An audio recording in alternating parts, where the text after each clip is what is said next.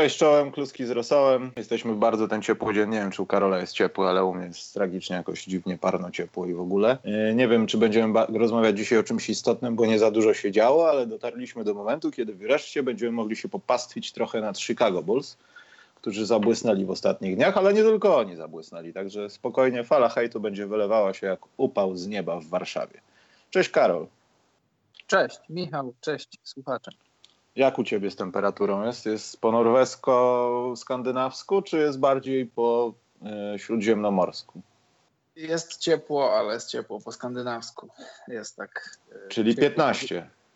No nie, 15. Dzisiaj były 24 stopnie, 25 chyba nawet. Słońce. O, to jakiś stan klęski no. żywiołowej może być u was. No jesteśmy, jesteśmy już na granicy.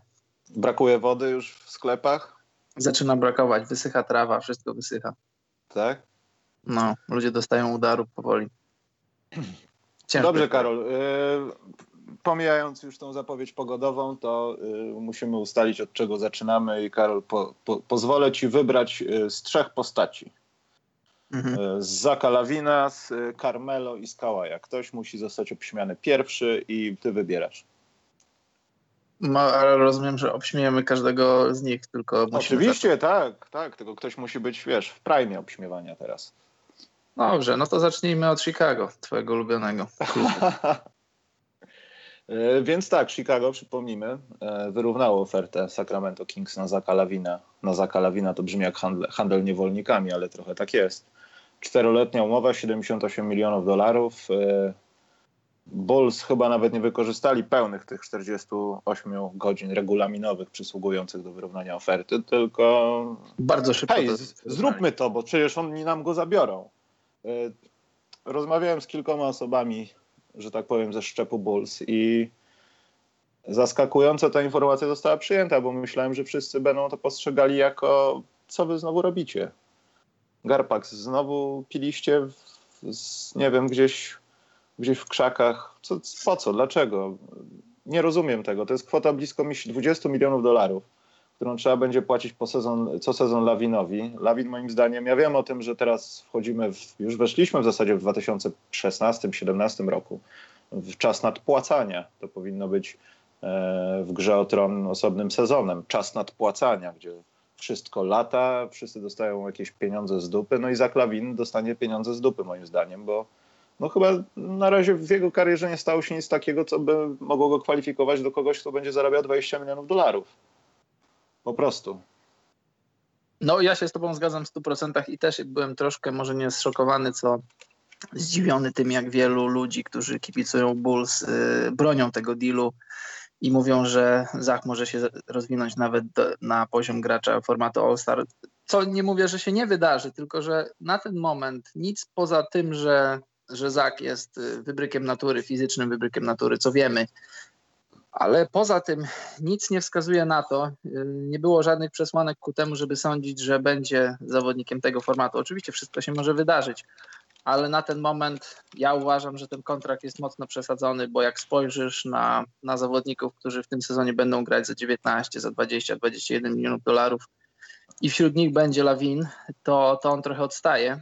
I jasne, te kontrakty były podpisywane rok temu, dwa lata temu, czy nawet w 2016 roku, czy nawet przed 2016 rokiem, kiedy, kiedy salary było jeszcze niższe, ale wiesz, pieniądz jest pieniądz i, i na koniec dnia ceny aż tak bardzo się nie zmieniły, inflacja nie poszła aż tak bardzo w górę, cena baryłki ropy też nie, nie, nie wachnęła się aż tak mocno. I ja uważam, że, że jest przepłaconym zawodnikiem i w ogóle ja po pierwsze zdziwiło mnie to, że, że, że Sacramento dało mu taki kontrakt, a jeszcze bardziej zdziwiło mnie to, że Chicago wyrównało ten kontrakt, bo no tak jak mówię, nie, nie sądzę, żeby, żeby na ten moment warto było mu dawać takie pieniądze na poczet przyszłych sukcesów i, i też myślę, że jego sufit to, to już to jest coś, co, co jego gra pokazała dosyć blisko ten jego sufit jest.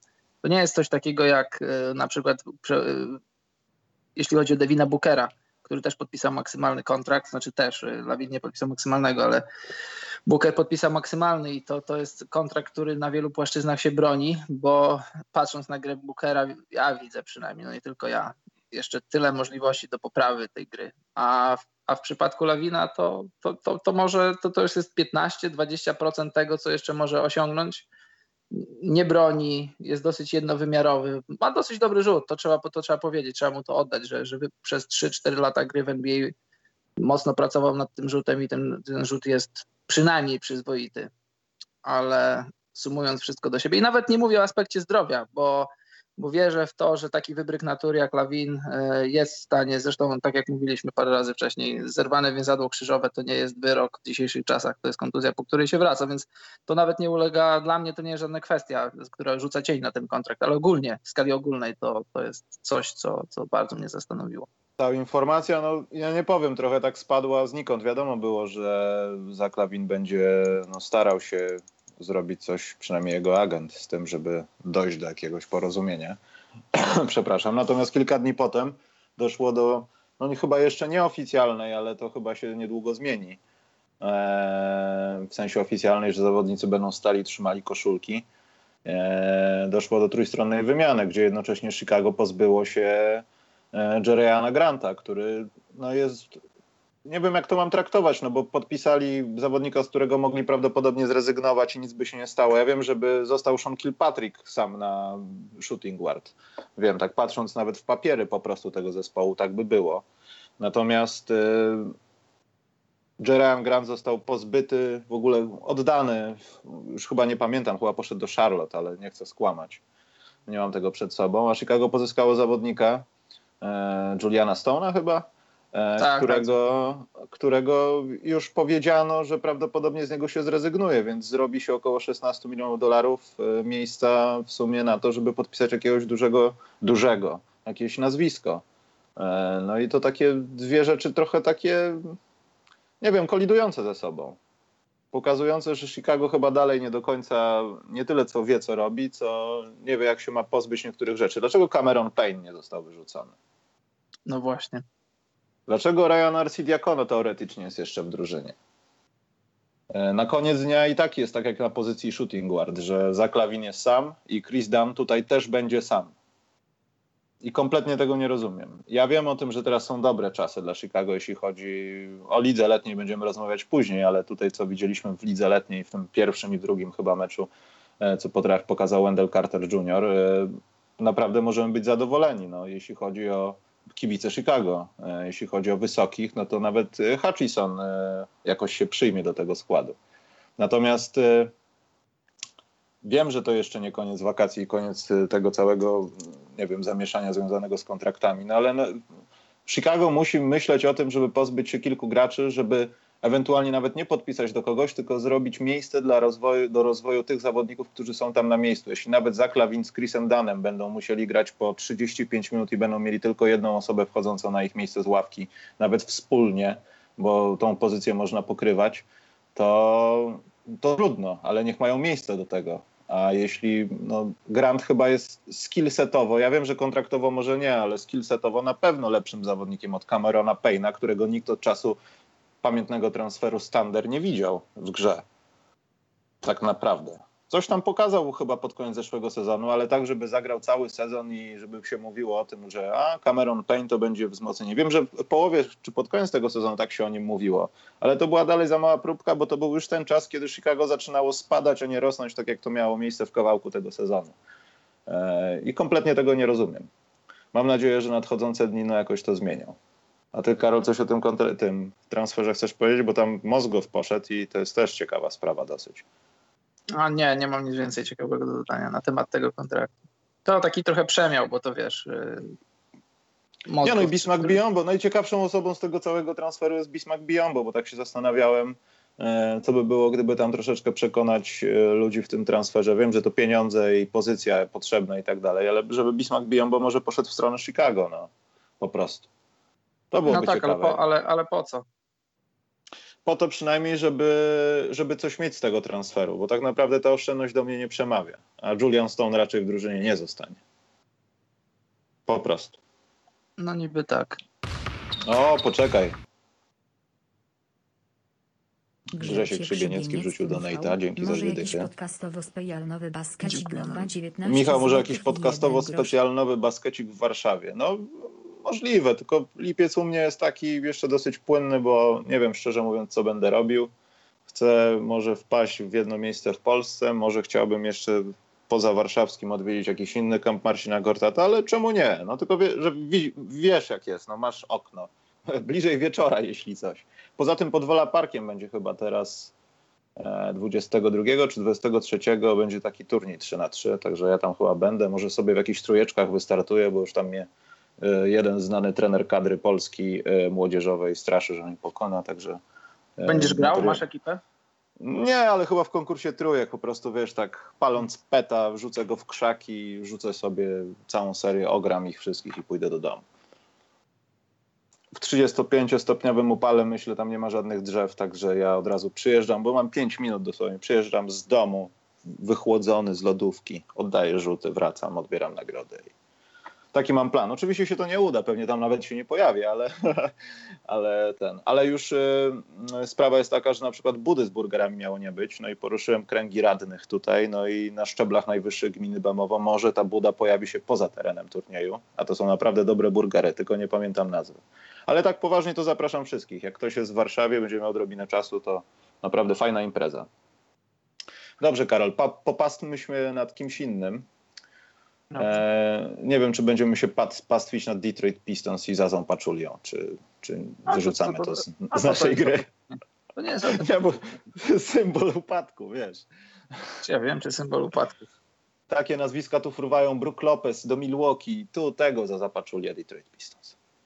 Ale to wiesz, to nie jest, to jest, to jest deal, który, który w żaden sposób nie szkodzi Pistons. No bo w czym ten, ten deal Nie, no w niczym, oczywiście. Tak samo jak y, to jest też taki trochę deal under the radar, bo kto wie, czy za Zapaczulia po prostu w sezonie regularnym nie będzie bardzo potrzebny. Nawet no, oczywiście, określonym przedziale minut. Poza tym chciałem powiedzieć, Jonas Rep, Jerebko, yy, wyrzucony niby z Golden State, podpisał z Golden State Warriors i to jest też, myślę, że jedna z tych rzeczy off-seasonu, która przelatuje nam poniżej tego radaru, i gdzieś w sezonie regularnym zobaczymy, że ten Jonas Jerebko mógł być potrzebny. Wiem, że to może być mit i niepotrzebna teoria, ale tak może być. I to też dosyć no, ciekawa taka, taki podpis ostatnich dni. To jest jeszcze, to jeszcze nie było na 100% potwierdzone, ale wszystko na to wskazuje, że Jonas będzie, będzie w Warriors. I tak jak mówisz, on może być, on może być kimś takim jak, jak Omri Caspi był dla Warriors, takim rzucającym za trzy punkty skrzydłowym, który wchodzi na kilkanaście, na dwadzieścia parę minut i daje. wiesz, y, ostatnio, no może nie ostatnio, ale przez, przez ostatnie lata była taka debata w Szwecji, y, może nie aż taka wielka debata, ale w środowisku koszykarskim, małym szwedzkim. Różnica między Maciejem Lampę a, a Jonasem Jarebko, czyli dwoma zawodnikami, produktami szwedzkiej myśli szkoleniowej, którzy trafili do NBA i różnica między, między nimi była taka, że Jonas zagryzał zęby, pocił koszulki i ostro trenował i doszedł do pewnego poziomu. To jest poziom, którego wiesz, on talent ma jaki ma, to jest talent jakiś tam taki średni, ale, ale swoją ciężką pracą jest tam, gdzie jest. Jest od paru ładnych paru lat w NBA i jeszcze przez kilka ładnych lat zostanie. A Maciek talentu może miał 10 razy więcej, ale trochę w początkach swojej kariery, trochę złych doradców, trochę nie po kolei nie do końca po kolei w głowie i, i kariery potoczyły się jak się potoczyły. To tyle, taka dygresja. Zamknąłeś tak, że myślałem, że jeszcze coś będziesz mówił. Nie, nie, tyle. E, nie, ale to już nawet pomijając analitykę i nawet może do tego nie dojść, ale to, to też świadczy o tym, że no, co by tutaj dużo mówić. No, Warriors też nie chcą stawać w miejscu i biorą to, co zostaje i to, co im się przydaje i to mi się podoba bo jeśli chodzi no. o obóz Lakers, jeszcze nie słyszałem żadnych wzmocnień.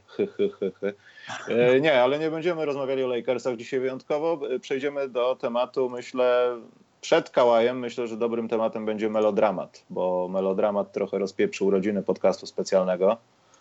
Bo my zresztą z Karolem też rozmawialiśmy o Melo w takim charakterze, że jest geniuszem upadku Thunder, ponieważ zabiera te pieniążki i zostaje, a tu się okazuje, że w grę wchodzi no wchodzą wszystkie te rzeczy, które wchodzą, jeśli chcesz się pozbyć gracza na dużym kontrakcie. No, te stretch provisions, y, buyouty i tak dalej, i tak dalej. No i to czeka Melo. No i teraz kwestia jest, gdzie Melo się znajdzie. Jak na razie chyba naj, taką bardziej wiodącą teorią jest to, że znajdzie się w Houston Rockets, co po odejściu Arizy i ostatnio e, syna szamana gdzieś z jakiejś afrykańskiej wioski, Lukamba Mute. E, I to jest prawdziwy fakt. Jego stary jest jakimś naprawdę szamanem w jakimś małej no, wiosce, no. czy szefem wioski. W ogóle jakoś, histori- polity- jakoś, jakoś, politycznie też wysoko stoi. Jest tak, ale to, ale to są, polityczną ale, plus jest szamanem. Tak, ale to są chyba jeszcze, znaczy ja nie chcę nikogo obrażać, ale to są jeszcze tacy ludzie plemienni. Tam, yy, tam są jakieś tam dzidy, zabijanie lwów, żeby pokazać, że jesteś mężczyzną w wieku 17 lat. To nie, to nie, to nie jest to, że jest radnym i po prostu jak w jakichś stanach w USA yy, jest Indianinem i chodzi tylko ubrany w strój. Nie, tam, tam naprawdę dochodzi do takich rzeczy. To jest taka Afryka, moi drodzy. E, pozostając w Afryce, pozostawiając Afrykę z boku, to no, Carmelo jest na razie nie wiem, wymieniany, że tam może się znaleźć, aczkolwiek ja nie wierzę, co, coraz mniej wierzę w takie raporty, bo tych kierunków może być trochę więcej. Nie chcę twierdzić, że będzie to Golden State Warriors, bo to znowu będzie jakiś skandal. E, ale co, myślisz, że Karol, co Houston to jest taki kierunek ostateczny już? A, czy coś nam jeszcze dobre... wejdzie w te nazwiska? To jest dobre pytanie, bo ja nie jestem przekonany, czy, czy Rockets go chcą, bo wprawdzie stracili dwóch skrzydłowych, Arizę i Mbamute, ale... Stracili przede wszystkim defensywę na tych pozycjach. E, właśnie, właśnie o to chodzi, a, a pozyskując Melo nie dostajesz jakości w obronie, dostajesz e, coś w ataku i to coś przy tym czymś na razie jest znak zapytania, bo Melo zagrał średni sezon w Oklahomie i dosyć tragiczne playoffy. Ja uważam, że w nim jeszcze jest trochę koszykówki, on może grać dobrze, Mo, może, bo wiesz, on jest strzelcem i, i na koniec może się okazać, że jeżeli on sam będzie chciał zrezygnować trochę ze swojego ego, zostawi, zostawiać ego w szatni, kiedy będą się zaczynały mecze, nie wiem w, w barwach jakiej drużyny, to on jeszcze może być produktywny, tylko pytanie, jak bardzo Melo chce się na to zgodzić, bo na razie poprzedni sezon w Oklahomie i te jego zapowiedzi, że na pytanie, czy, czy ewentualnie widziałby siebie zaczynającego mecze w Oklahomie z ławki, E, skwitował śmiechem, więc ja nie wiem na, na tym etapie swojego życia i kariery, jak bardzo Melo chciałby się zmienić. Nie wierzę w to, że będzie produktywny w obronie, bo, bo po prostu e, test oka, patrząc na to, na jak jego nogi pracują w obronie, to, to już nie jest. E, Melo nigdy nie był wielkim atletą, a teraz z upływem lat to nie wygląda, nie wygląda nawet średnio bym powiedział, to wygląda dosyć słabo. A w ataku może jeszcze trochę dać, tylko pytanie, czy, czy Rockets, gdyby go za, zakontraktowali, to, to oni potrzebują od niego, wiesz, czy oni od niego potrzebują jakiejś tam określonej liczby punktów, tego nie wiem. No ale nie zdziwię się, jeśli rakiety go zakontraktują, bo stracili dwóch skrzydłowych, wprawdzie defensywnie nastawionych skrzydłowych, ale, ale no, może nie są jeszcze zdesperowani, ale przydałoby się, żeby w jakiś sposób się wzmocnili, no bo już weszli w ten plan all-in z Chrisem Polem. Nie po to podpisali go na czteroletni maksymalny kontrakt, żeby teraz być y, drużyną na 48 zwycięstw i maksymalnie drugą rundę. Prawda, natomiast czy ile jest melo w melo? To jest pytanie. No, no. Może, może, nas też spotkać taka rzecz, znaczy nas, ludzi, którzy, bo ja też troszeczkę może kibicuję Melo, bo chciałbym zobaczyć Melo przynajmniej, nie wiem, pod koniec jego życia profesjonalnego sportowca w kilku meczach e, w takim stanie, jak był w Denver. Ja wiem o tym, że to pewnie nigdy się nie wydarzy, ale chciałbym. Bo mimo wszystko to był jeden z tych zawodników, jeden. Jest dalej, ale to, to trochę cień tego starego Melo, który nie był najbardziej atletyczny. Nie wystawały mu, broń Boże, żadne mięśnie z rąk. Wyglądał trochę jak zmieszanie, nie wiem, Pola Pierce'a z, no nie chcę przesadzić z Glennem Davisem, ale z gościem, który kompletnie nie wygląda taki E, Zach Randolph wczesny. Taki trochę jestem grubiutki, trochę nie wyglądam, ale jestem atletyczny, jestem szybki, potrafię zrobić kilka rzeczy pod koszem, świetnie rzucam i tak dalej i chciałbym to dalej oglądać, tylko czy to nie będzie taki trochę Dwayne Wade, że będę teraz wybierał te miejsca, będę dążył do tego, żeby jakoś zakopać ten mój duży kontrakt i na tym nie stracić i dostać jeszcze te pieniądze, a zmniejsza, zmieniać kody pocztowe i w tym roku będę miał ten kont pocztowy, może się uda z Houston, a jak mi się nie uda, no to będę się zastanawiał, gdzie zakończyć karierę. No, nie, nie, nie rozważam powrotu do Denver, ale to tak to niestety trochę wygląda. No. I nie wiem, ile Melo jest w Melo i ile Melo jeszcze może dać do drużyny takiej jak Houston, bo Houston no nie mogą zrobić podpisu e, z czystej takiej, nie wiem, no, a Melo, bo wiesz co, bo cię lubimy, to cię podpiszemy. Taka czysta sympatia i pamięć starych czasów. Nie, oni potrzebują zawodnika dzięki tym dwóm odejściom, zwłaszcza Arizy, który wymiernie potrafi ich wesprzeć w, w tym, co mają zrobić, czyli w powtórce zeszłorocznych playoffów. No, ja też myślę... Ja tutaj ja też... nie widzę innego wyjścia, no. Musi być ja dobry też... zawodnik, a nie sentyment.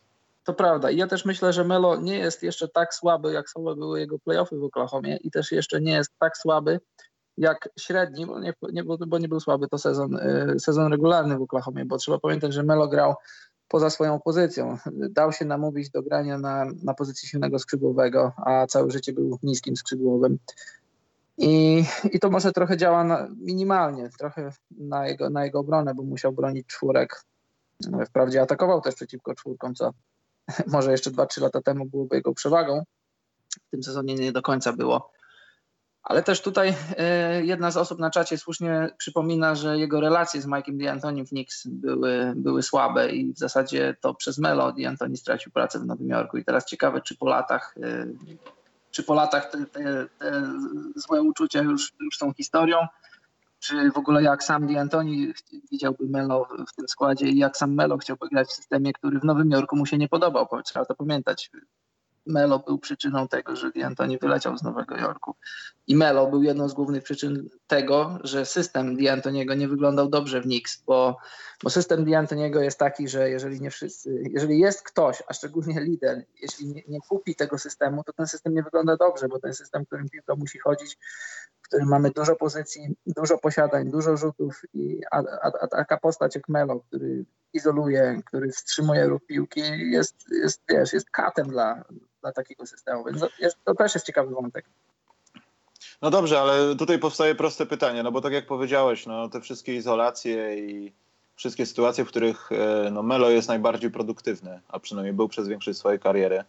E, czy to jest po prostu kwestia przyzwyczajenia, czy tego, że nie lubię biegać? No bo teraz patrzeć na to, co robi Houston z D'Antonim, no to ja nie chcę umniejszać zasług i tak dalej. To jest świetny zespół i to wszystko działa. Natomiast no, gdyby nawet Harden, no przecież izolacja, no to też drugie imię Hardena, ale czy to nie jest trochę tak, że Melo już po prostu nie ma kondycji, żeby robić takie rzeczy i od czasów Nowego Jorku, kiedy ktoś mu kazał bezdurnie, masz biegać, to i koniec, nawet jak piłki nie dostaniesz, jak ją dostaniesz, to masz ją odegrać, bo ta akcja nie będzie na ciebie na przykład, albo ten set.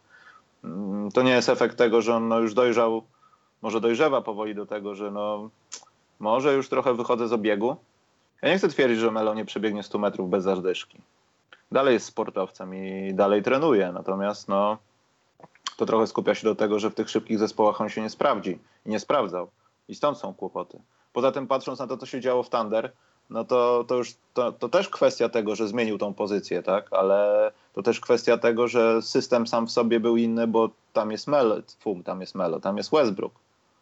I wiadomo, co się dzieje z piłką. Zresztą widzieliśmy to w sezonie, kiedy były te śmiertelne statystyki dla Thunder, kiedy w dwóch ostatnich, czy tam w ostatniej minucie e, George i Melo do, może ze dwa razy dotknęli piłkę, tak naprawdę wszystko było skupione na Westbrooku w dalszym ciągu.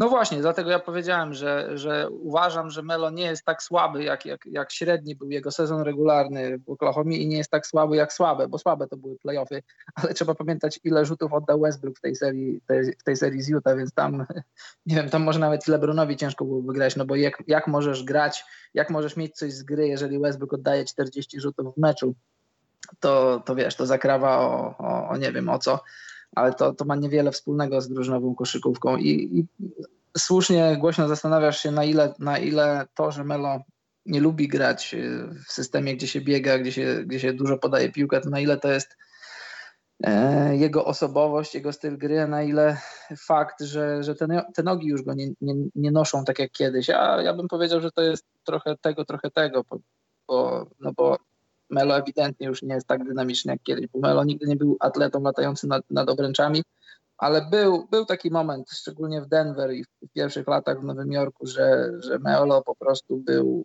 był yy, silniejszy od wielu ludzi, którzy go kryli i miał lepszą pracę nóg, lepiej dochodził do pozycji niż, niż wielu obrońców, obrońców kryjących go. I to, to, to, to wielu ludzi, wielu zawodników, którzy, którzy znani są z dobrej defensywy, podkreślają, jak trudny do krycia jest, to znaczy był Melo, bo może nie jest super szybki, może nie jest latający, ale ten, ten warsztat, bo trzeba to podkreślić, jego praca nóg, jego fade away, to, to jest coś naprawdę, to jest top, to jest top ligi all time, ja bym powiedział i myślę, że nie przesadzam.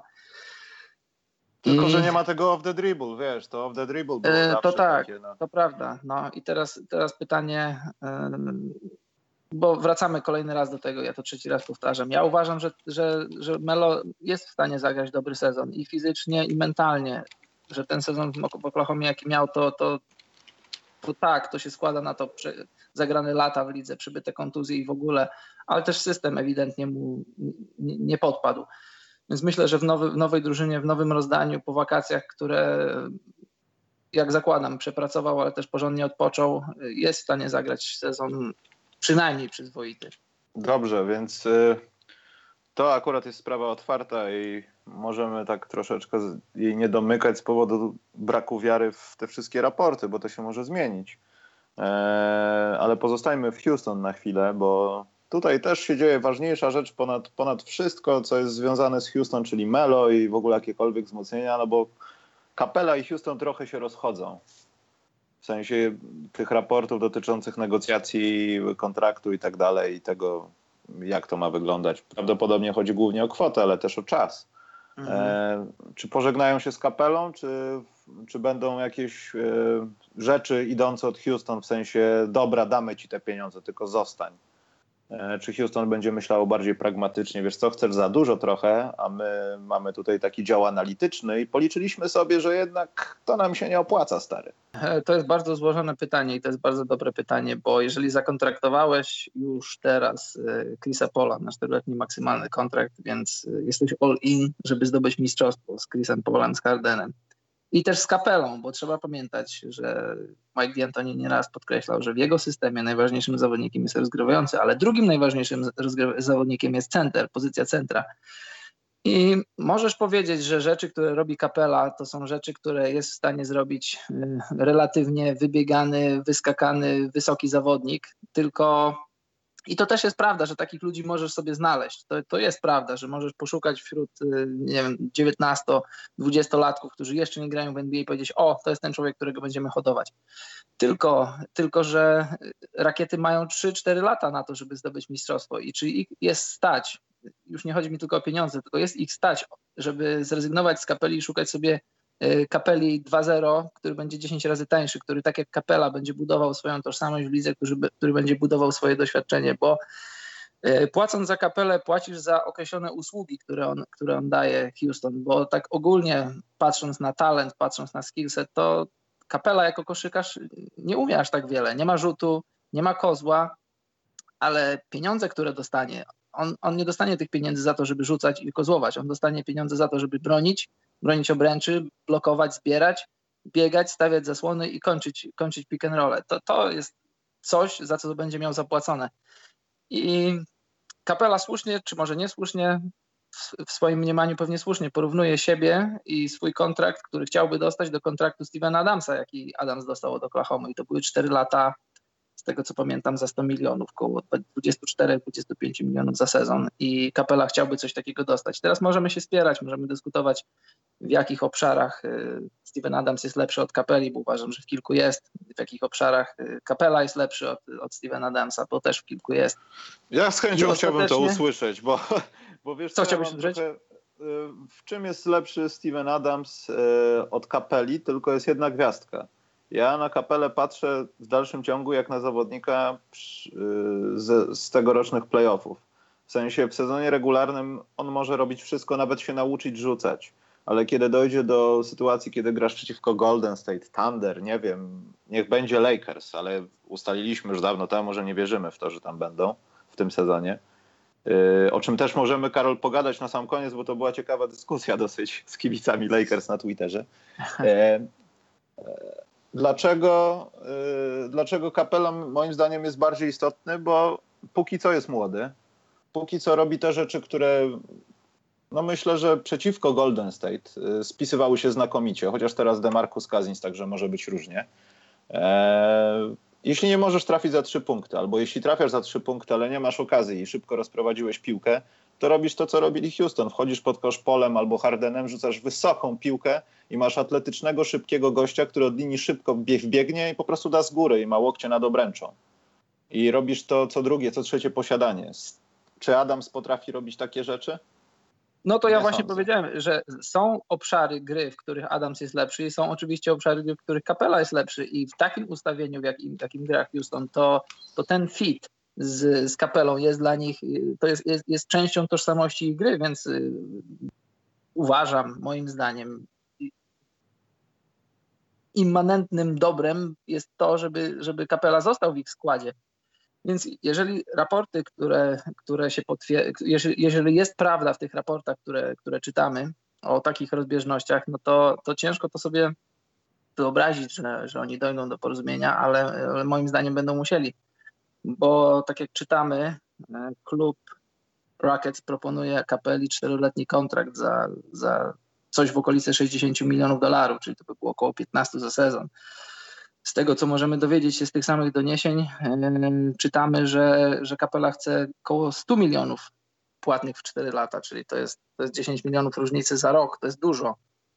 Jeżeli dogadają się powiedzmy w, w okolicach 18, 17 czy tam 19 milionów za rok, to, to dobrze dla obu stron, bo, bo tak jak powiedziałem, rakiety mają 3-4-letnie okno na zdobycie mistrzostwa ale w tym scenariuszu Kapela jest na środku tej drużyny, bo jeżeli go nie masz, będziesz musiał szukać kogoś innego i tak jak powiedziałem, nie jest trudno znaleźć takiego zawodnika w skali ogólnie koszykówki, ale na ten moment, kiedy już masz go, że tak powiem, wyhodowanego, nauczonego, wytrenowanego, no to wyszlifowanego pod twoimi skrzydłami, no to musisz, może nie za wszelką cenę, ale za dużą cenę starać się go zatrzymać, bo Chris Paul nie będzie młodszy, Harden nadal jest relatywnie młody, ale też nie będzie młodszy z roku na rok, będzie miał coraz więcej tych kilometrów w swoich nogach, więc to jest ten moment, to jest to okno rakiet, to jest, to jest góra trzyletnie okno na to, żeby zdobyć mistrzostwo. Poza tym jak tak z Tobą teraz o tym rozmawiam, to tak faktycznie zaczynam się zastanawiać i popadać w tą taką narrację, nie nienawidzę tego słowa powoli, ale tak, tak jest,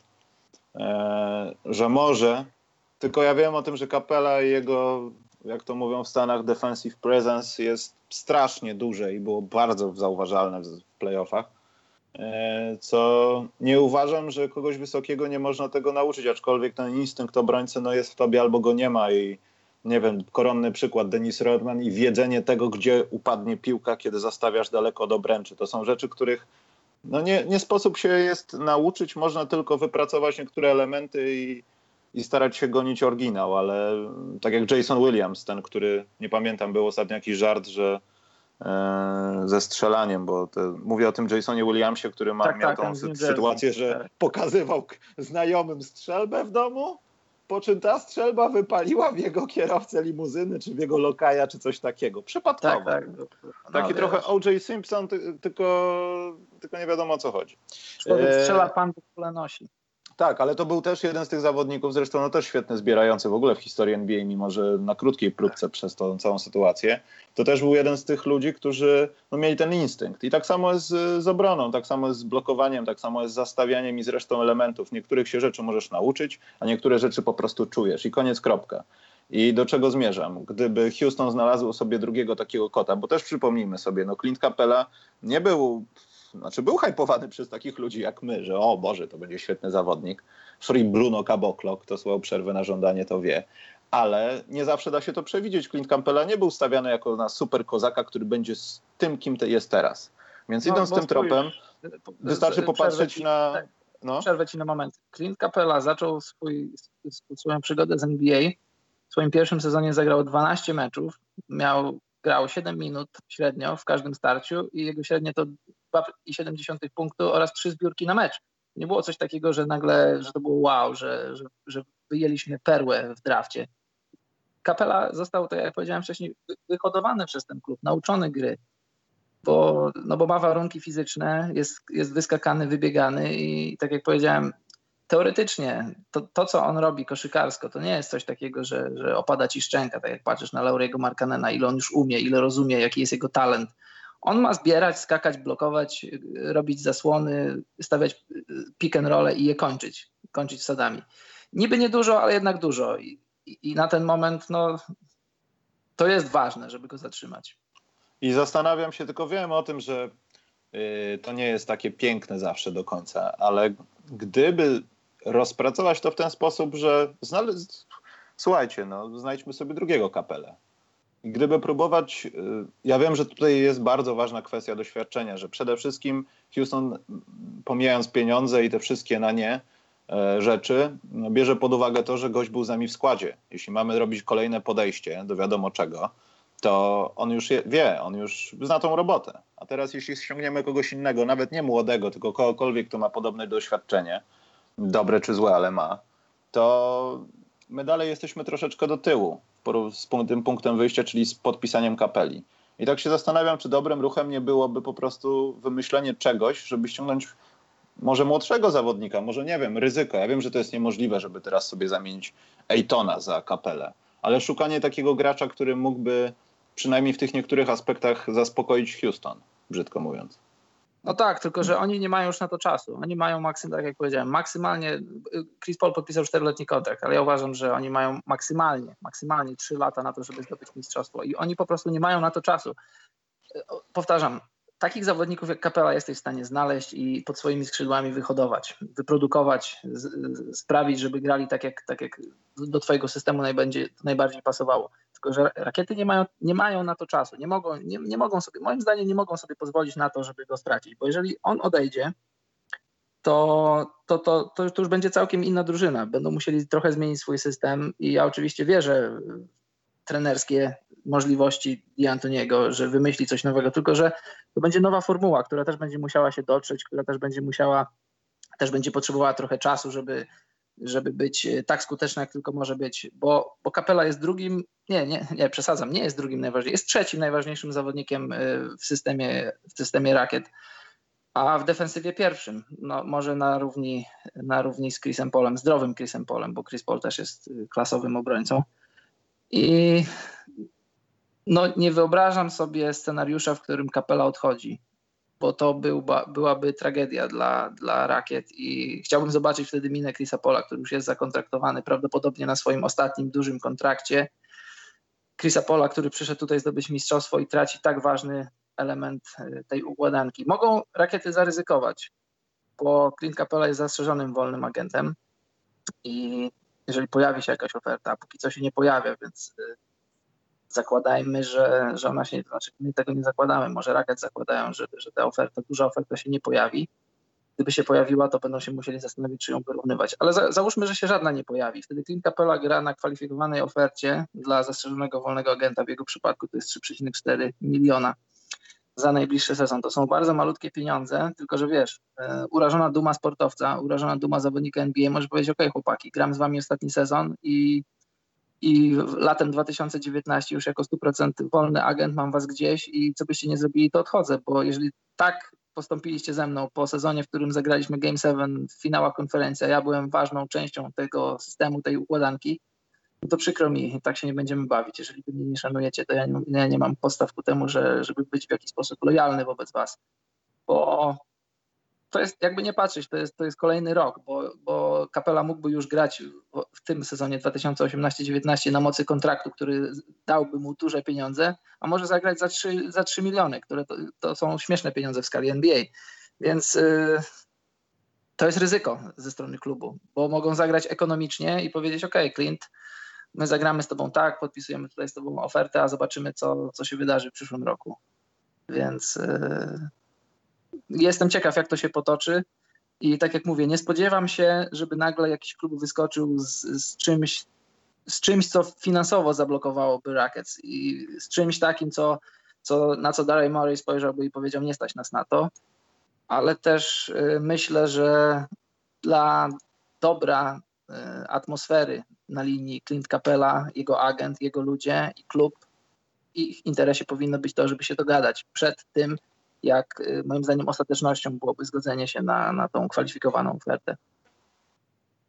Dobrze, Karol, bo patrzyłem na zegarek. U mnie jest, e, dochodzi w pół do ósmej. Także myślę, że przed ósmą powinniśmy jakoś się wyrobić, bo niestety piłeczka chyba dzisiaj z nami wygra i to ewidentnie, bo dzisiaj coś jest ważnego w tej piłeczce, czy mi się Karol no, pieprzy już. To prawda. E, znaczy dla mnie nieważnego, ponieważ szczerze mówiąc ja wykorzystam ten moment, żeby pojechać na myjnię samochodową, bo prawdopodobnie kogo tam nie będzie wtedy. I to będzie bardzo szczwane, dlatego pędzimy dalej i będziemy rozmawiać szybko. Zaraz będziemy rozmawiali o Kałaju. E, ale tak, ja chciałbym zacząć ten temat trochę może od Tonego Parkera. Tony Parker po nastu latach zmienił klub. E, będzie grał w Charlotte Hornets. Oficjalnie z jego ust padło e, wytłumaczenie takie, że chcieli dać mi tylko roczną umowę i moja rola w tym klubie byłaby taka dosyć umniejszona. Zmarginalizowana trochę. Tak. Czy to jest tylko ładne, ładne słowa dla prasy, czy to jest no, pożogi tego, co się dzieje z Kałajem? Bo ja do końca w to nie wierzę, że ta jednoroczna, że rok umowy był przeszkodą. Ja też nie wierzę, żeby te pieniądze były przeszkodą, bo znamy Tonego Parkera, wiemy kim jest i co robił dla San Antonio. E, ciężko mi jest w to uwierzyć. To, to może być jakaś ucieczka przed czymś. Albo mm. fak, faktycznie, tak jak mówi, no nie wiem, chce po coś powalczyć, chce zagrać, nie wiem, z Dwightem, tfu, przepraszam, z Michaelem Jordanem i, i żeby było świetnie i zakończyć tam karierę, bo wiem, że w San Antonio e, będę mógł im przeszkadzać i tak dalej, i tak dalej. Ale wydaje mi się, że to jest jakiś, nie wiem, no, taka piwnica tego, co się z Kałajem dzieje. No to też jest bardzo dobre pytanie, bo jestem przekonany, że nie wiemy wszystkiego, nie, nie, nie wiemy jakie były kulisy jego roz, rozmów w San Antonio i jakie były kulisy jego ostatecznego odejścia bo e, Charlotte Hornets nie będą grać o mistrzostwo. Nie wiem, czy wiecie, jeśli nie wiecie, to bym mówię. Charlotte Hornets nie będą grać o mistrzostwo w tym sezonie, więc Tony nie, nie idzie tam z, z, z pobudek sportowych. E, z jakich pobudek idzie tam, albo raczej z jakich pobudek odchodzi San Antonio, to jest sprawa, która pewnie będzie wychodzić jeszcze za jakieś tygodnie, za jakieś miesiące, kiedy będziemy, ktoś będzie chciał nam opowiedzieć o szczegółach tego odejścia. Być może wątek Kałaja jest tutaj wątkiem zasadnym, bo jak pamiętacie w lutym Ja przepraszam marcu, Karol, ja żółty no. pasek alertowy, że Hornets nie będą grać o mistrzostwo właśnie teraz. E, napisz to. Żeby było jasne, Dobrze. tak, żeby było napisz jasne. To. Żółty, atencyjny pasek. Dobrze.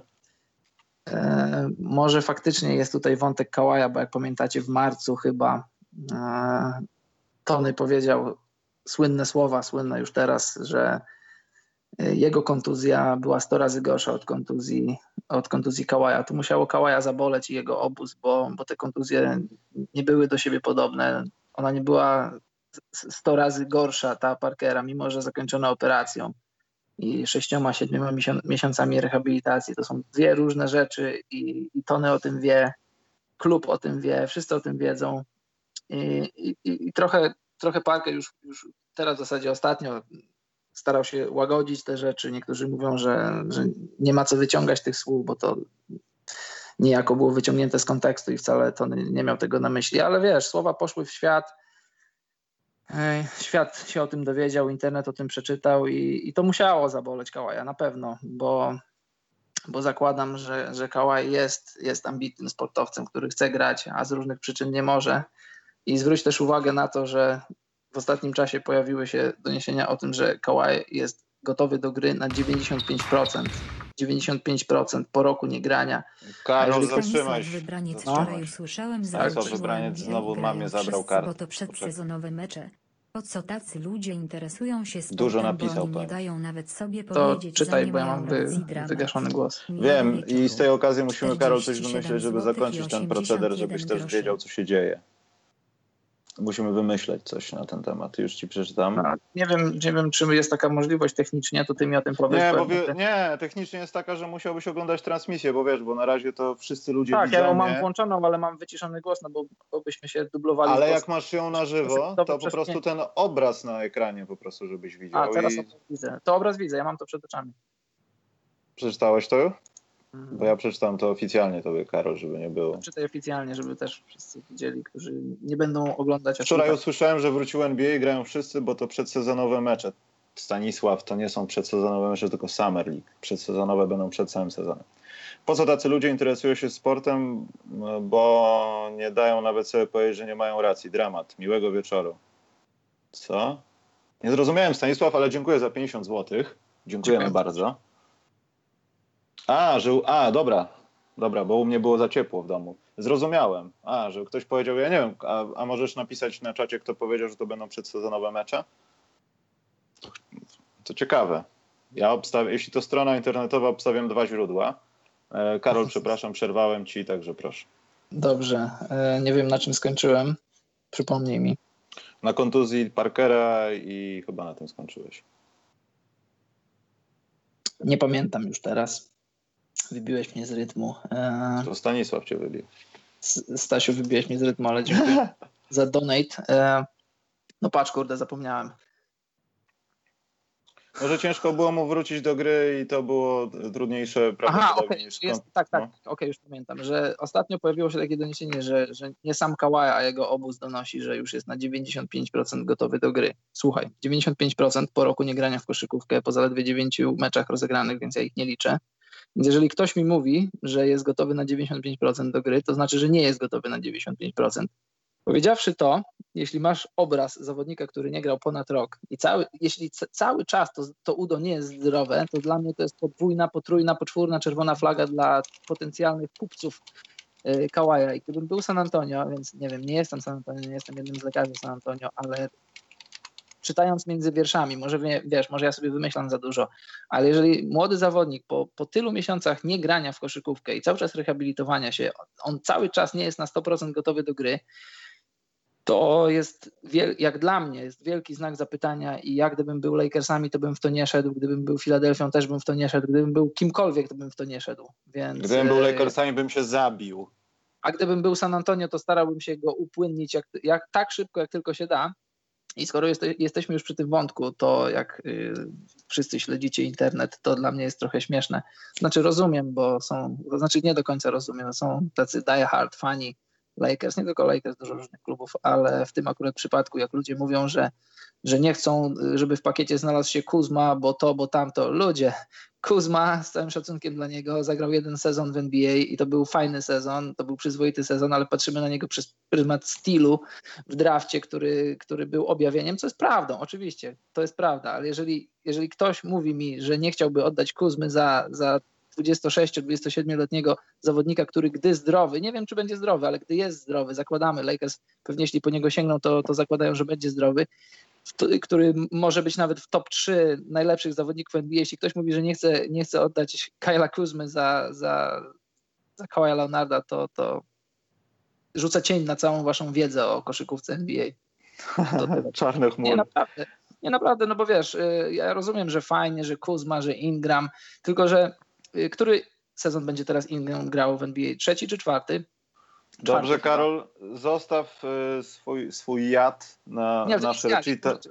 Tylko pozwól no. mi jedno zdanie powiedzieć. Nie, bo będziemy rozmawiali zaraz o tych Lakers i dlatego zostawmy Aha. swój jad na to, o to mi chodzi. Dobrze, to daj mi tylko, bo zapomnę, podaj mi to no. powiedzieć. No. Bo mówi się o Ingramie, że będzie drugim KD i teraz nie pamiętam, y, Ingram chyba swój czwarty sezon będzie w NBA grał, lub trzeci, nieważne. Więc wróćcie do statystyk, jakie statystyki produkował KD w swoim trzecim lub czwartym sezonie w NBA. I, i teraz wróćcie z powrotem do, do Ingrama. Y, Ingram może być zawodnikiem świetnym, może być zawodnikiem nawet formatu All-Star, ale jeżeli masz możliwość wymienienia zawodnika, który może będzie kimś, a może nie będzie, plus za zawodnika, który zagrał swój debiutancki sezon na przyzwoitym poziomie i na szali stoi top 3 zawodników NBA i wy się zastanawiacie, no to, no to tyle, co mam do powiedzenia. Dziękuję. nie spodziewałem się takiego zakończenia, ale Karol właśnie upuścił mikrofon. E, trudno się z tym nie zgodzić, ale będzie mała sekcja. Myślę, 24 minuty mniej więcej nam zostały. Powiedzmy, że i tak to przyciągniemy trochę po ósmej, bo będą coś tam pewnie gadać i tak dalej. E, co ja chciałem powiedzieć? E, lekki przeskok zrobimy na Kałaja. Ja mam tylko takie pytanie, Karol. Kiedy my się kurwa coś dowiemy? Czy to będzie w lipcu? To jest kurczę, Michał, bardzo dobre pytanie. Jaką grę grają San Antonio? Zadawaliśmy to sobie pytanie już w zasadzie nawet od zimy. Bo on chce, raz nie chce, teraz chce być Lakersem, teraz nie chce on ma jak gdyby jakiś zespół napięcia przedmiesiączkowego od lutego tego roku. Co chwilę Widzisz, mówi ja coś innego. To prawda. Ja napisałem w styczniu lub w lutym w swoim dziale śliwki, robaczywki taki tekst, który wtedy w zimie był trochę nie, niepopularny, bo ja zakwestionowałem trochę intelekt Kałaja, bo wiesz, jest, jest granica między tym, że jesteś skromny i małomówny, a tym, że jesteś po prostu głupi. Y, powiedziawszy to, to, to oczywiście to nie zmienia faktu, że, że ludzie mało inteligentni mogą odnosić sukcesy w sporcie, bo ostatecznie w sporcie nie chodzi o to, żeby filozofować i dyskutować, tylko włożyć piłkę do kosza najszybciej, najlepiej, najskuteczniej jak się da. To, to, to, to nie ma problemu z tym, tylko że jeżeli jesteś jaki jesteś intelektualnie, bo też zwróćcie uwagę, że jeżeli w lidze rozmawia się na tematy rasowe, polityczne i różne inne, to to jest garstka osób, które się wypowiada. Są LeBron, Chris Paul, Dwayne Wade, może David West i, i, i kilku innych zawodników, ale jest cała grupa ludzi, którzy nic nie mówią, nie, nie wypowiadają się na, na, na, na żadne kwestie, bo nie ubliżając nikomu, jest wielu zawodników, którzy są naprawdę, naprawdę bardzo mało inteligentni. I wtedy do gry, w cudzysłowie, wchodzą ludzie, tak zwani ludzie z otoczenia i agenci, którzy naprawdę, możecie mi wierzyć, możecie nie wierzyć, ale to jest jak e, w książce Mistrz Małgorzata, jest, która dzieje się, sorry za taką daleko, za taki wyjazd, za taką wycieczkę, taką wielką dygresję, która dzieje się na trzech poziomach. W tak ogóle tak samo... Karol, dygresja o książce, myślę, że to jest 2018. Sorry, tak mi się, tak mi się skojarzyło. Polecam książkę tak przy okazji. E, Polecamy książki w ogóle, myślę. Tak, ogólnie czytajcie, dużo czytajcie, poszerzajcie swoje, swoje horyzonty. I NBA też rozgrywa się, istnieje na wielu różnych płaszczyznach to nie jest tylko to, co widzimy na parkiecie, to nie jest tylko to, co czytamy sobie w internecie, to jest też biznes, to jest dużo brudnego biznesu, to jest gra agentów, to jest gra tak zwanych ludzi z otoczenia, to jest gra sponsorów butowych i różnych innych. I czasami wydaje nam się, że dużo wiemy o koszykówce i 2 plus 2 równa się 4 i ten zawodnik w tym klubie będzie się sprawdzał, ten zawodnik w innym klubie się nie będzie sprawdzał, a później nagle się okazuje, że ten zawodnik nie, nie zagra w klubie B, tylko zagra w klubie XYZ my się zastanawiamy, dlaczego to zrobił. I, a odpowiedź jest, y, chciałem powiedzieć prosta, ale to nie jest odpowiedź prosta. Czasem grają sprawy pozasportowe, poza, e, poza czymś, co byśmy nazwali czystą rywalizacją. W, w, grę wchodzi bardzo często po prostu zwykły biznes. Ktoś, ktoś z kimś nie chce grać, ktoś ma wspólnego agenta, ktoś ma, kto, ktoś należy do innej agencji, a te dwie agencje między sobą się zwalczają. To są, to są takie rzeczy, o których się nie mówi, bo po prostu to nie jest taka powszechna wiedza, nie każdy o tym wie. I tutaj też może, mówię o, cały czas o sprawie Kałaja, tutaj też może grać rolę aspekt, o którym nie mówimy, bo możemy nie wiedzieć. Nie wiemy nadal, kim jest ta postać wujka Kałaja, co on wie, co on potrafi, co on chce osiągnąć. No nie wiem, to jest naprawdę temat rzeka i szkoda, że, że możemy tylko gdybać i wyciągać jakieś tam wnioski ze szczątkowych informacji, które dostajemy i z San Antonio i z, i, i z obozu Kałaja w zasadzie dostajemy takie Dlatego. Karol, jedno zasadne pytanie. Czy podcast specjalny 22 bądź też 21,5 będzie o Kałaju? Ja myślę, Czyli że mówię, przeciąg nie. tego tygodnia. Nie? Jest, nie? nie? Nie, bardzo, bardzo bym się zdziwił, gdyby coś ruszyło w sprawie Kałaja, bo bo San Antonio, ja myślę, że oni zdają sobie sprawę z tego, że czy z Kałajem, czy bez Kałaja, to sprawa ich grania o mistrzostwo w najbliższym roku czy dwóch, to jest, to jest sprawa przesądzona, oczywiście przesądzona na nie. Jeżeli jakimś cudem Kałaj zacząłby sezon w San Antonio, co w co wątpię, ale co też nie jest wykluczone. Wydaje mi się, że może to się zdarzyć, że może Kawhi zacznie sezon San Antonio, choć z kolei też do, dochodzą do nas słuchy, że, że może nie tyle sam Kawhi, co jego obóz grozi, że, że Kawhi w ogóle nie będzie chciał grać, że w takiej sytuacji, jeżeli nie zmieni klubu, to on w ogóle nie wyjdzie na parkiet. No, to wiesz, y, to jest, tak jak mówiłem już nie raz, dla mnie postać Kałaja to jest, to jest wielka zagadka, to jest tajemnicza postać. E, miałem okazję z nim rozmawiać raz, i to podkreślam wiele razy, ciężko wyciągać wnioski na temat y, jednorazowego spotkania czy jednorazowej okazji, żeby pogadać, ale intelektualnie nie zrobił na mnie dobrego wrażenia. No, no nie, nie, nie, nie chcę nikomu burzyć jego obrazu, bo tak jak mówiłem, na koniec dnia to nie chodzi o to w sporcie, żeby filozofować, tylko żeby dobrze grać, ale w takiej w swojej już historii rozmów z różnymi koszykarzami NBA czy, czy, czy Euroligi wielu jest naprawdę intelektualistów, wielu jest mądrych ludzi o, wielu szerokich zainteresowaniach, ale są Nieoczekiwanie, też... nieoczekiwanie, bo na przykład i tak, i z Zazą udało mi się porozmawiać i ja traktowałem go za gościa, który no ja nie chcę mówić, że jest na poziomie Patricka Ewinga w New York Knicks, który powie tylko eee", e, ale to jest naprawdę bardzo elokwentny i bardzo inteligentny gość. To prawda, to prawda. No i to właśnie widzisz, to czasami tak się okazuje, że, że, że nie spodziewasz się po człowieku, że, że możesz się dużo dowiedzieć i, i ciekawie sobie porozmawiać, a też odwrotnie. Masz tych takich top zawodników i wydaje ci się, że oni są tacy, bo, bo, bo często jest tak, że boiskowe IQ nie przekłada się na to takie zwykłe życiowe IQ i taką, taką Kompletnie. mądrość, obycie, oczytanie. No i, no i Kawhi jest jedną, to znaczy powtarzam jeszcze raz, po, po, po jednorazowym, jednorazowej styczności z, z, z nim taki wyciągam wniosek. Może niesłusznie, może krzywdząco dla niego, ale no e, to nie była głęboka rozmowa, tyle mogę powiedzieć. E, dobrze, słuchaj Karol, e, chciałbym przeskoczyć na jeden temat, tylko zanim to zrobię, e, Stanisław, usłyszysz dygresję w ramach bonusu za donate, ale Stanisław napisał a propos tego pytania, znaczy tego, tego co napisał w donate. Znajomy w pracy, z którym często gadamy o sporcie, nie tylko koszykówce, gość nie wiem, czy chciał zabłysnąć, czy coś, ale drugi od razu mówi, a słyszałem, słyszałem, ale ja już nie chciałem komentować nawet. No słuchaj, no tak się zdarza. Ja na przykład, tylko wiem, że to był żart kiedy pracowałem, nazwijmy to, w pewnej wytwórni muzycznej, e, zdarzyło się, że e, żona, e, znaczy mąż mojej koleżanki z pracy, czyli Maciej Domański wtedy, wrócił ze Stanów i miał, tak, ten Maciej Domański z telewizji. I miał jakiś numer slamu z, rocznicowy z Michaelem Jordanem. I on wie, doskonale wiedział, że ja, no dobra, no już z Hirkiem Wroną, bo u niego pracowałem, jaramy się koszykówką, no tylko, że ja Bulls, Hirek Lakers, no i on tam chciał zabłysnąć, no i do mnie podszedł z tym, że to jest z okazji 50. rocznicy zakończenia przez Jordana kariery. Ja tak popatrzyłem i stwierdziłem, a wiem, słyszałem.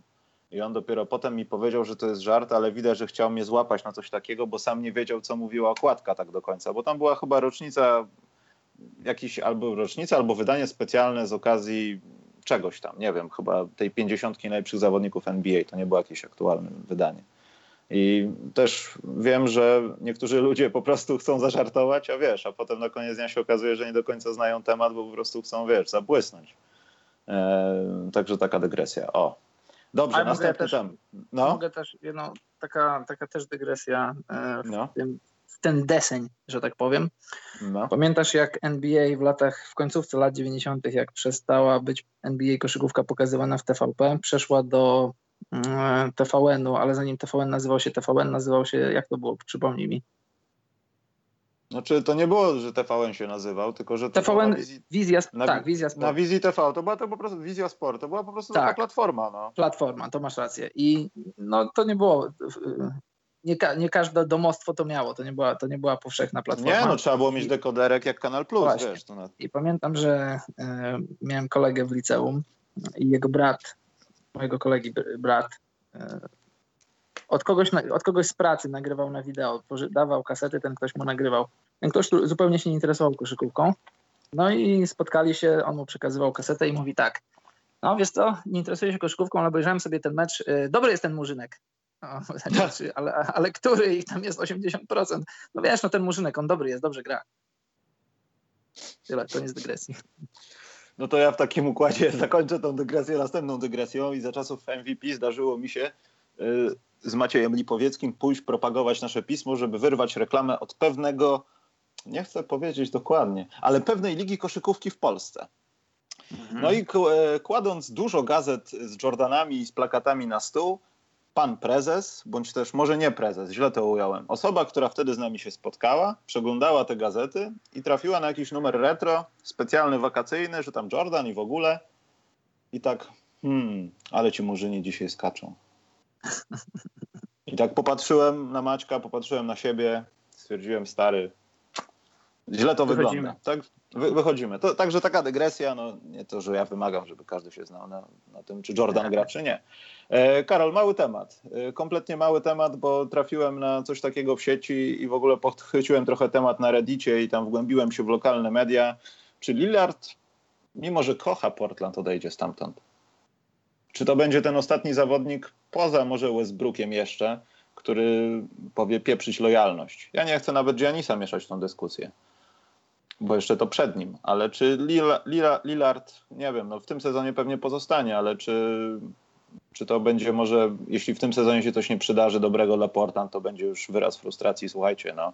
Ja mogę nagrywać rapy gdzieś indziej, możecie zawsze słuchać na Tajdalu, ale ja wyjeżdżam.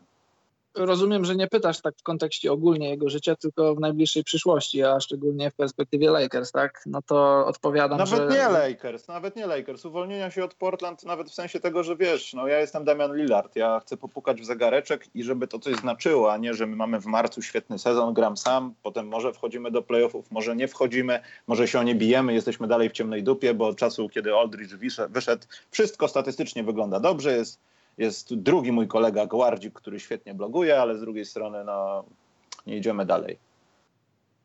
Wiesz co, ja nie wiem, jakie są sportowe ambicje, to znaczy wiem, jakie są sportowe ambicje, pewnie chce zdobyć mistrzostwo i, i być jednym z najlepszych zawodników NBA, ale nie wiem, jakie są jego ambicje pozasportowe, może faktycznie hip-hop możesz nagrywać lepiej w innych miastach, masz większy, możesz mieć większy dostęp do, wiesz, no sam, sam wiesz, je siedzisz w muzyce, to wiesz, Atlanta, Los Angeles, Chicago czy Nowy Jork.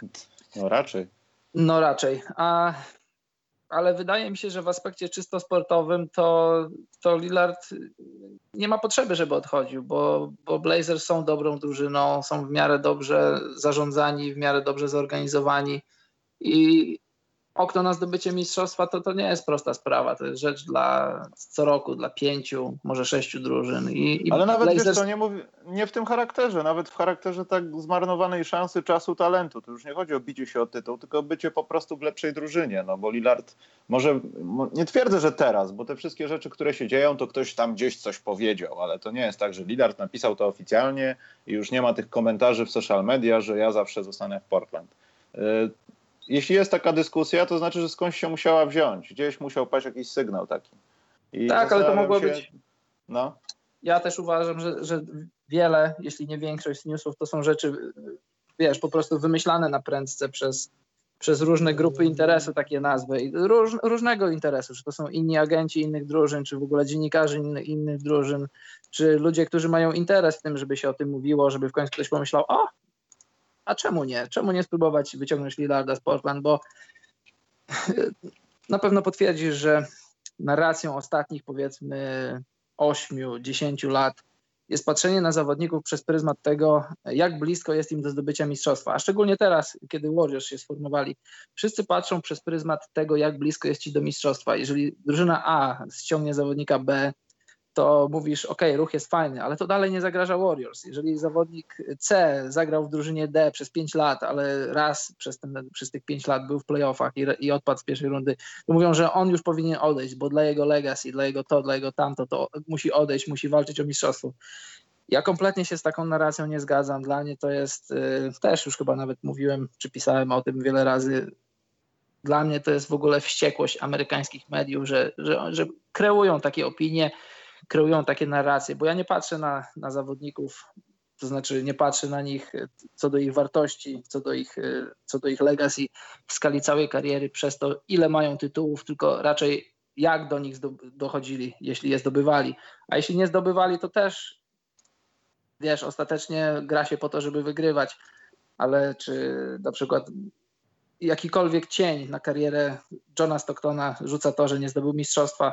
Moim zdaniem nie bo grał trzy razy w finałach z Jordanem i gdyby nie Jordan, gdyby nie Bulls, to jestem pewny, że, że Jazz mieliby przynajmniej jeden tytuł, a myślę, że może nawet i trzy, bo patrząc na tamten wschód, to Nixi byli dobrzy, e, Miami z Mourningiem było dobre, ale jazz wtedy to było, to było coś innego. To jazz to byli tacy jak późniejsi Spurs, jak, jak nawet późniejsi, no może nawet, może nawet Warriors, bo oni grali taką skrajnie drużynową koszykówkę, która wtedy, jak byłem mały, to nie do końca mi się podobała, ale dopiero po latach, może nawet po wielu, wielu latach, kiedy sięgam, wracam do tych meczów, to patrzę, jak ci Jazz fajnie grali, jak oni grali świet, super drużynową koszykówkę. I naprawdę, gdyby nie Jordan, to John Stockton miałby mistrzostwo, ale co to w ogólnym rozrachunku zmienia? Czy masz ten jeden, czy pierścień na palcu, czy nie? To to jest ważne, ja to rozumiem. Ale dla mnie, i nie tylko dla mnie, John Stockton i, i, i Malone i wielu innych zawodników, Reggie Miller, którzy grali świetne, zagrali kariery, a mistrzostwa nie zdobyli, to są, to są oni tam, tam są razem z tymi zawodnikami, którzy mistrzostwa zdobywali. Więc e, taką parabolą wracając do Lillarda, moim zdaniem nigdzie mu się nie powinno spieszyć, nigdzie nie powinien odchodzić bo w Portland ma dobrą drużynę, dobrą organizację i są może o jeden duży ruch, może od kilka średnich od tego, żeby też włączyć się, włączyć się do tego, żeby walczyć o mistrzostwo, bo Lillard jest e, w czubie, jeśli chodzi o najlepszych rozgrywających. I możesz mówić, że jeden ma lepszy kozioł, inny ma lepszy rzut, ale z każdym, z każdym najlepszym rozgrywającym Lillard pod jakimś tam, na jakiejś płaszczyźnie jest w stanie rywalizować, więc, więc jeżeli chcesz walczyć o mistrzostwo, to Lillard i, i McCollum są moim zdaniem dobrym backcourtem do tego, żeby, żeby o to powalczyć. Wiadomo, że nie sami, ale, ale, ale nie musi odchodzić z Portland. No, tak, ja, tak, tak, ja, nie, ja nie postawiłem tego pytania, czy musi, czy nie musi. Bardziej chodziło mi o to, czy on w końcu podejmie taką decyzję, że ma dosyć tego. No wiesz, pod I- naporem, pod naporem mediów myślę, że może to zrobić, bo, bo nagle wiesz, pojawia się temat, pojawia się problem, którego wcześniej nie było, ale jeżeli ktoś ci powie, że to jest problem, to ty myślisz, o faktycznie nigdy o tym nie myślałem i on może faktycznie sobie pomyśleć, kurczę, tak mi wszyscy doradzają i ja sobie o tym pomyślę i myślę, no ma to, ma to sens. Więc myślę, że pod, pod naporem mediów możesz do tego dojść, ale tak ogólnie nie wiem, jak tam jest u niego wszystko, czy ma w domu wszystko w porządku, czy, czy ogólnie podoba mu się pogoda w Oregonie, ale z aspektu czysto sportowego nie musi odchodzić nigdzie, nie powinno mu się nigdzie spieszyć. Dobrze, Karol, więc przyspieszając, słuchajcie, 7, no z 10 minut jeszcze zostaniemy, dlatego to jest dobry moment, żebyście, jak macie jakieś pytanka, to się kali na czacie. Eee, Stasiek, dobry z tym Kyrie Lejson. No jak ktoś się nie zna, to nie wie. No. Poza tym ten Kairi tak ma rozpisane to logo, że faktycznie momentami, e, momentami tak to wygląda. E, Karol, jedna rzecz, może tak na szybko, jeśli chodzi o Summer League. E, nie wiem, oglądasz to w ogóle? Patrzysz na to? Coś, coś ten? Czy tak? Nie, o? tylko highlighty. Nie oglądam całych meczów, bo nie chce mi się siedzieć. Zbieram energię na sezon regularny. Yy, czytam, co, jak tam się prezentują zawodnicy, oglądam highlighty, ale całych meczów nie oglądam. Ja szczerze przyznam, że popadłem trochę w. y, Znaczy, na żywo spotkań rzadko kiedy mi się uda obejrzeć. Na szczęście one są w miarę wcześnie, także jakoś tam można obejrzeć z jedną przypadkiem. Natomiast y, oglądam całe spotkania gdzieś tam po YouTubach i innych tam źródłach, nawet na, na League Passie sobie można gdzieś tam zerknąć, jakieś też nawet kondensty, highlightsiki, wszystko jedno. Y, to jest.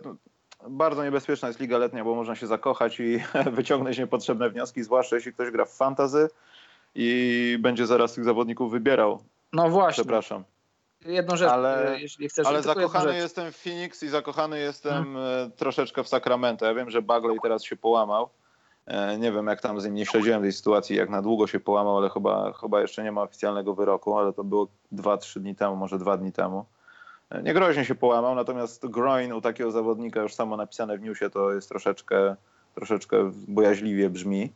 E, No natomiast no niestety, ja jestem w fazie trochę zakochiwania się w tych zawodnikach i jeśli ktoś ogląda Ligę Letnią i chce snuć na tej podstawie wnioski, to odradzam. To nie, to wyłączcie to. Nie No oglądajcie ja tego właśnie, nawet. właśnie to chciałem powiedzieć, że ja trochę tam z całym szacunkiem dla wszystkich, ale szkoda mi jest trochę czasu dla ludzi, z których powiedzmy 30% będę oglądał regularnie w NBA, a cała reszta odejdzie w niebyt. Może nie, nie do końca w niebyt, bo kilku z nich znajdzie pracę w Europie czy w jakichś tam innych klubach y, w, Azji czy gdzieś. Ale po prostu nie mam na to czasu i tak jak mówisz, to trochę zaburza perspektywę patrzenia, bo na, bo na tle takich, a nie innych rywali, tacy, a nie inni zawodnicy nagle wyglądają świetnie, a później przychodzi do, do zdarzenia się z rzeczywistością NBA i, i, ci- i zawodnicy już nie wyglądają tak świetnie, więc y, z całym szacunkiem dla wszystkich nie mam po prostu chęci i też za bardzo czasu, żeby spędzać, y, żeby oglądać całe mecze i patrzeć na ludzi, których, których nigdy nie będę już później widział. Mateusz Dobosz zrobił update dwa tygodnie stłuczona miednica. Dobra, przeżyje. Ale mimo wszystko fajnie się ogląda ich te pierwsze razy, chociaż można dojść do takich właśnie, tak jak ty powiedziałeś. Nie to, że teraz będę go bronił, ale myślę, że w NBA zobaczymy trochę lepszego Trey Younga. Ja nie wiem, dlaczego on teraz jest firing at will i tak dalej. I tak jak ci pisałem, Mateusz, e, on przypomina jednego z moich zawodników Monsunu jeśli chodzi o budowę ciała i tak dalej e, i w ogóle no, wrzucanie. I nie wiem, czy Summer League potraktował jako na rozstrzelanie tablic, czy po prostu, no nie wiem, no coś jest nie tak, nie wiem. Może, może coś być nie tak po prostu, nie wiem. Jest A ja się obawiam, że. Obawiam Albo jest się, do że to dupy, no też może być tak. dobrze. No. Bo wiesz co, bo zawodnicy, którzy wyglądają świetnie w Summer League, różnie wyglądają później w lidze z różnych przyczyn, ale zawodnicy, którzy słabo wyglądają w Summer League, to, to jest naprawdę coś, co... Ale wiesz, ale, ale Karol, trzeba też postawić jedną rzecz, że jeśli widzisz Wendela Cartera, który ładuje pięć bloków, to ja też nie widzę przeciwwskazań, dlaczego nie miałby robić tego w sezonie, mimo że przeciwnicy są słabsi potencjalnie, ale no, są takie rzeczy, które pokazują, że będziemy to widzieć e, pewnie w, większej, w mniejszej lub większej skali na przeciwnikach. Nie wiem, nawet lobby do Aytona czy cokolwiek. Natomiast kiedy widzisz Trey Younga, który ma trzy trójki na 856 tysięcy podejść w sześciu meczach, no to znaczy, że coś jest nie tak. Wiesz, no to, to, no to znaczy, że coś jest nie tak, tylko że to jest Summer League i czy to właśnie znaczy, że coś jest nie tak i, i to, jest, to, to jest straszne. Dobrze, Summer League zostawiamy. Karol, ja chciałem przed jeszcze pytaniami, tutaj jest kilka pytań dosłownie, zostawić chwilkę na recital dotyczący nie wejścia do playoffów Lakers, bo była dyskusja. Karol, czy wziąłeś leki? Tak, biorę je regularnie. E, ja rozmawiałem z kilkoma osobami na ten temat, nawet z Maćkiem Kwiatkowskim zdarzyło mi się o tym porozmawiać i to nie jest tak, że od razu skazaliśmy Lakersów tam w tym na Twitterze, w tej dyskusji, czy w ogóle w dyskusji w internecie że nie wejdą do playoffów, ale stawianie ich w top 4 wschodu świadczy o tym, że trzeba wziąć, zachodu, przepraszam, że trzeba właśnie wziąć leki, moim zdaniem.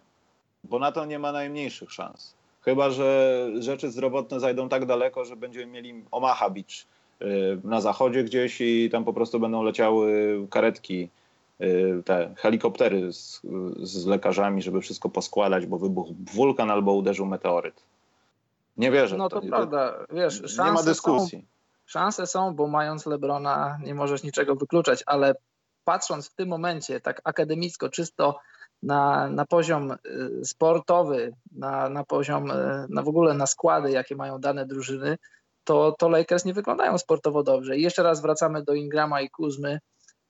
E, jak projektujemy, jest takie słowo po polsku, projektujemy, jak wydaje nam się, że będą wyglądać w przyszłości, w tym nadchodzącym... Antycypujemy, Karol. Antycypujemy, że, zrobią progres i będą wyglądać dobrze, ale my tego nie wiemy. My nie wiemy, jak to wszystko zagra, jak w ogóle LeBron, który dominuje piłkę, będzie grał z, z nimi, będzie grał z Lonzo Bolem, z nimi wszystkimi jeżeli mówisz, że w tym momencie z automatu, dlatego, tylko i wyłącznie dlatego, oczywiście z całym szacunkiem dla wielkości Lebrona, ale jeżeli mówisz, że z automatu ta drużyna już jest top 5, top 4, to to jest, to, to jest brak szacunku dla, dla tych innych drużyn, no bo, no bo gdzie możesz ich mieć? Masz y, Warriors, Rockets, Thunder, Jazz, Pelicany, Blazers, San Antonio, Denver i jeszcze nie wymieniłem, i jeszcze nie wymieniłem, zwróćcie uwagę, że jeszcze nie wymieniłem Lakers i teraz gdzie ich wciskasz? Na pewno nie przed Warriors, na pewno nie przed Rockets, czy przed Thunder? Ja uważam, że nie, bo jeżeli masz Paula George'a, masz y, Westbrooka, masz Adamsa, masz Noela, Abrinesa i, i, i, paru innych całkiem solidnych zawodników, to ja w tym meczapie, gdyby to były playoffy, to bym się bardzo, bardzo zastanowił, bo, bo w playoffach LeBron może, może przejąć serię, to widzieliśmy wiele razy. Ale na przestrzeni całego sezonu, 82 meczów, to ja nie, nie, nie, nie wyobrażam sobie, w jaki sposób ludzie mogą mieć wyżej Lakersów nad Thunder. W jaki sposób możesz mieć Lakers wyżej nad Jazz, tak poukładanych Jazz, tak skonstruowanych, tak działających Jazz, Pelikany. Nie wiem, dla mnie top raz, dwa, trzy, cztery, pięć, to pięć, sześć to jest poza jako, jako, jakąkolwiek dyskusją na ten moment. Zgadzam się, ale przede wszystkim chciałem trochę o tym powiedzieć, bo znowu zaczyna się to niebezpieczne homerstwo i myślę, że tak jak byłby internet, w ogóle to wszystko cywilizacyjnie bardziej w latach 90., to pewnie byłbym też tą osobą, która na swoim blogu Michaelu Jordanie pisze, co ty opowiadasz, on nie odejdzie, albo zaraz weźmie Rodmana, Pipena, kogokolwiek i tak dalej. I ja rozumiem to, ale to homerstwo jest aż niebezpieczne ludzie nie oglądaliście Cleveland w zeszłym roku? W zeszłym sezonie, no ale niech będzie w zeszłym roku. Metka Lakers niczego nie zmienia. To, że jest no. świetny management i masz młodszych kolegów Brandona Ingrama, w dalszym ciągu możesz przepchnąć odkurzaczem przekręconym w drugą stronę, że zamiast sadzić dmucha. I Ingramowi zajmie jeszcze trochę, żeby się zajmował, znaczy zajmował, żeby był większy po prostu. Widać u niego progres, widać to, że jest trochę silniejszy i tak dalej, ale w dalszym ciągu taki blower do tych, do, do liści go przesuwa w półstapie. I, I co? I to nie jest żadna lepsza jakość od tego, co się działa, działo w Cleveland, natomiast to pozostawia perspektywę, że ma szansę być lepiej. Ale w kategorii tego sezonu to jest wykonalne. Playoffy to jest szóste, ósme miejsce, to jest to, o co mogą walczyć Lakers w tym sezonie. Jeśli będą na wyższej pozycji, no to wiadomo, my zawsze nie mamy racji, jak rozmawiamy o czymś o koszykówce.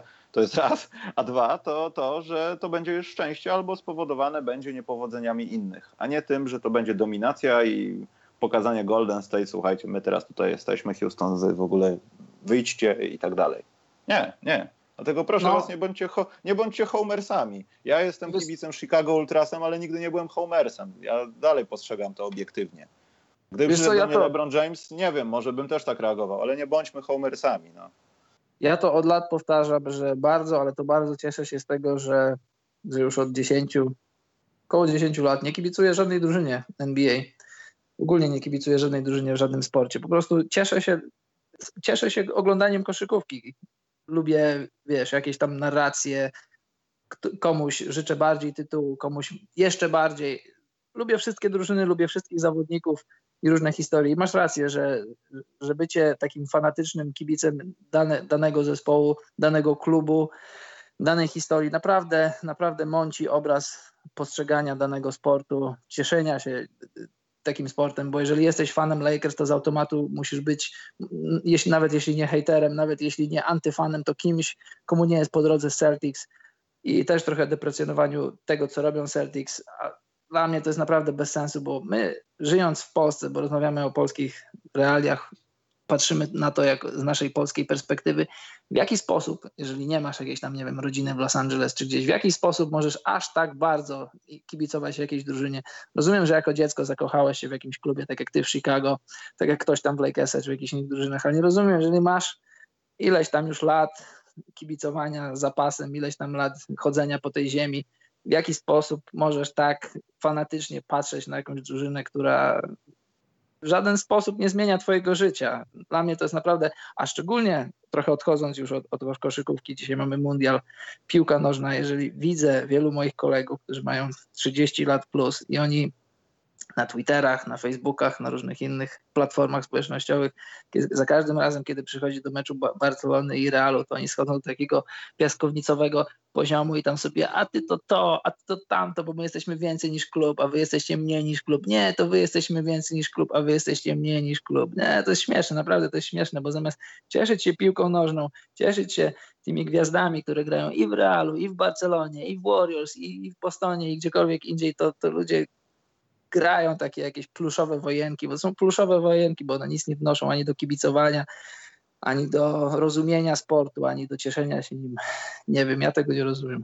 Znowu gadałem, przez, znowu gadałem przez włączony mikrofon, ale to nic. Słuchaj, pytań nie ma za dużo na szczęście. E, Łukasz Koba spytał Francja czy Belgia. E, nie wiem, ja to Belgię bym stawiał, chociaż nie wiem. Nie wiem, czy to jest dobre stawianie, bo też nie widziałem Francji chyba całego meczu. Eee, czy przewidujesz w przyszłości jakiś kącik fantazy? Na pewno będzie jakiś i na pewno jak w końcu prze, przeskoczymy Rubikon nazywający się Patronite'em, to na kanwie tego na pewno będą jakieś tematyczne rzeczy i to jest pewne. Chociaż e, musiałbym Karola zaciągnąć do fantazy, bo Karol trochę kuleje pod tym aspektem. Także... Nie, ja gram w fantazy. Ale grasz takie, takie w jakie fantazy grasz? Jednosezonowe, żadnych dynastii. A nie, no to nie, Karol, to musimy pomyśleć coś innego. To jest dużo lepsza zabawa. No, rozumiem, że to jest fajna zabawa, ale no nie mówię nie, po prostu nie grałem, nie miałem okazji. Znaczy okazję może miałem, ale nie grałem. Gram co roku tutaj z chłopakami z Alandów, mamy swoją alandzką e, fantazy ligę. Gram też w jednej czy nawet dwóch e, ligach mm, z, z kolegami. Mnie zaprosić, ja bym zagrał z kolegami z Alandów. Mogę cię zaprosić, nie ma problemu. Czy muszę zapytać, czy oni się zgodzą, bo tutaj raczej no, gramy w takim muszę, swoim skromnym gronie. Się, ja się nauczę języka, jeśli to jest warunek. A to nie trzeba, e... to po angielsku rozmawiamy. Jan Cichon pyta, Michał, ponawiam pytanko, czekasz na czwarty sezon Bowlers? Szczerze mówiąc, jeśli nie wiedziałem, że będzie czwarty, ale w ogóle czekam na tego rodzaju serial dotyczący amerykańskiego sportu, bo to jest trochę też oparte, znaczy w znacznej mierze jest oparte o futbol amerykański, ale jak wszyscy, co oglądali, wiedzą, że to jest tam roz, rozprostowane trochę na inne sporty, aczkolwiek dalej krąży wokół futbolu. Ale można wyciągnąć jakieś porównania, wnioski dotyczące no, naszego sportu, czyli NBA. Ale ja czekam na taki serial, który pokaże to w jakiś taki uniwersalny sposób, aczkolwiek no, Bowlers świetni są. No, świetnie się to ogląda i, i bardzo dobrze, że końcu jest na HBO, znaczy w końcu jest, od jakiegoś czasu jest, ale przez jakiś czas nie było na HBO Go. Bardzo dobrze, omijaj. Melo to jest, Melo i Kaoi są nieważne. Dobra, y, Karol, jakie typy na ten mecz? Wrzućmy jakimś wynikiem i idziemy. E, Francja-Belgia, ja stawiam na dynamiczny mecz, ale zakończony remisem, bo na tym etapie mundialu e, lepiej jest nie stracić gola niż, e, niż starać się za wszelką cenę go strzelić, bo jeżeli nie stracisz gola, no to, no to masz dogrywkę, a jeżeli go stracisz, to ciężko jest na tym etapie fazy pucharowej w półfinale odrabiać straty, więc uważam, że obie drużyny nie otworzą się zbyt mocno, będą próbowały oczywiście strzelić, ale z większym akcentem na obronę. Myślę, że to może być ładny mecz zakończony jakimś 1-1, może nawet 0-0 ewentualnie jakimś 0-1, 1-0, bo ta drużyna, która strzeli jako pierwsza, to zakładam, że się zamuruje, postawi autobus w bramce, chociaż może się mylę. Chciałbym się pomylić, ale, ale też myślę, że, że nawet takie mecze z niskimi wynikami, jakieś takie 1-1 czy nawet 0-0, 0-1, to też mogą mieć dużo piękna w tym, no bo, bo jest dużo biegania, dużo walki. Ja stawiam na remis. Po 90 minutach remis, a później to już jest loteria. Myślę, że Francja ma trochę więcej siły ognia mimo wszystko. A ja też myślę, że może być remis, natomiast karne to, to będzie coś, co będzie się tam działo, e, myślę. Karne z jednej strony są fajne, jest takie, takie zawsze masz takie, takie, takie intrygujące, żeby zobaczyć karne, ale z drugiej karne są bardzo niesprawiedliwe, bo, no bo nie zawsze wygrywa ale... lepszy. Nie, no to jasne właśnie, ale właśnie to na tym polega, wiesz, yy, i tak dalej. No. Yy, jeśli ktoś się nie interesuje sportem, znaczy piłką nożną tak bardzo, to, to jest taki element, który w każdy, każdy, każdego zainteresuje. Karne nawet yy, w hokeju na trawie są ciekawe. Oglądałem ostatnio. Yy, dobrze, yy, Karol, idziemy, tylko na koniec informacja, która jest od dzisiaj rana dostępna, może od wczoraj. Mateusz Ponitka zmienił klub, będzie grał u ruskich.